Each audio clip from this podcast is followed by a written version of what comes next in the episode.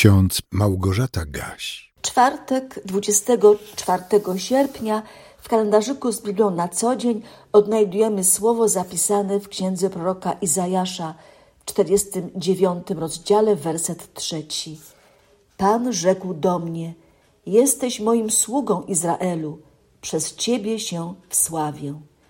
A w dziejach apostolskich w 10 rozdziale, wierszu 36 czytamy: Posłał Bóg synom izraelskim słowo, zwiastując dobrą nowinę o pokoju przez Jezusa Chrystusa. On to jest Panem wszystkich. Apostoł Piotr znalazł się w domu Korneliusza, setnika rzymskiego, mieszkającego w Cezarei. W dziesiątym rozdziale dziełów apostolskich mamy dokładny opis tego spotkania. A co najważniejsze, dowiadujemy się, w jaki sposób Piotr został przygotowany przez samego Boga do rozmowy z poganami, do zwiastowania im, im Ewangelii i udzielenia daru Chrztu Świętego. Musimy pamiętać, że Piotr był Żydem, a dla Żydów człowiek spoza narodu wybranego był kimś nieczystym, kimś, kto nie był godny tego, by się z nim przyjaźnić, by mieć z nim jakikolwiek bliższy kontakt, a już na pewno nie był przeznaczony do zbawienia.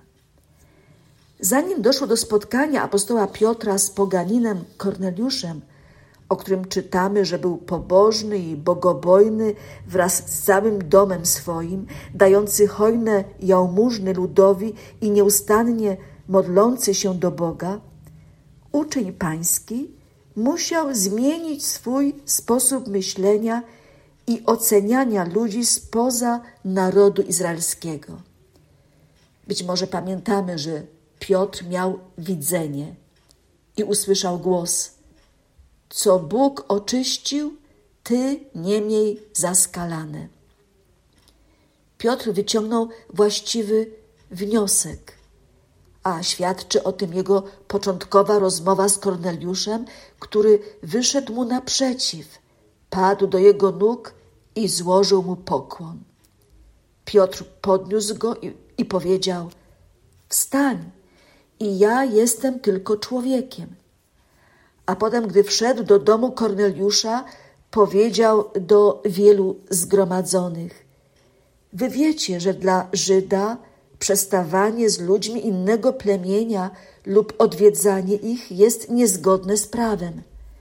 Lecz Bóg dał mi znak, żebym żadnego człowieka nie nazywał skalanym lub nieczystym.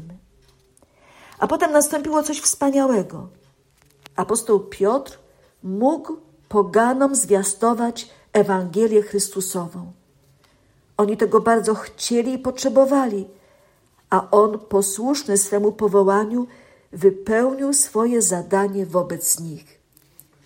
W dziesiątym rozdziale dziejów apostolskich od wiersza 34 czytamy Piotr zaś otworzył usta i rzekł Teraz pojmuję naprawdę, że Bóg nie ma względu na osobę, lecz w każdym narodzie miły mu jest ten, kto się go boi i sprawiedliwie postępuje. Posłał on synom izraelskim słowo, zwiastując dobrą nowinę o pokoju przez Jezusa Chrystusa. On to jest Panem wszystkich. Jezus Chrystus Bóg, który przyszedł na świat w ludzkim ciele, umarł, zmartwychwstał, a potem wrócił do nieba, jest Panem wszystkich ludzi. Dla ludzi wszystkich ras, narodów, kolorów skóry, dla wszystkich bez względu na płeć, status społeczny, stan zdrowia czy kondycję duchową, Pan Jezus pragnie być Zbawicielem a ci, którzy występują w Jego imieniu, bo są apostołami, prorokami, misjonarzami, duchownymi, mają obowiązek tę wspaniałą prawdę rozgłaszać w mocy Ducha Świętego.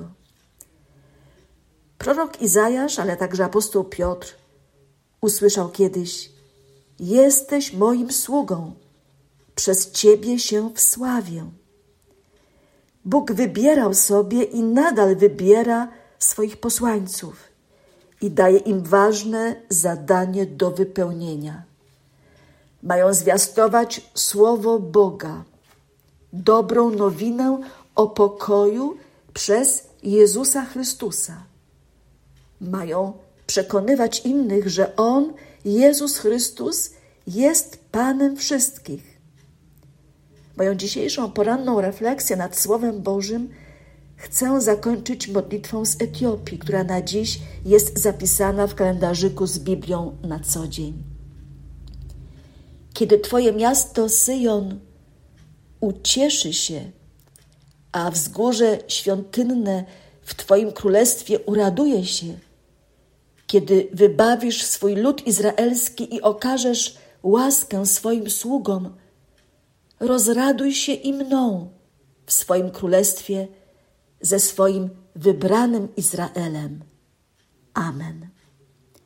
A pokój Boży, który przewyższa wszelkie ludzkie zrozumienie, niechaj strzeże waszych serc i waszych myśli w Jezusie Chrystusie ku żywotowi wiecznemu. Amen.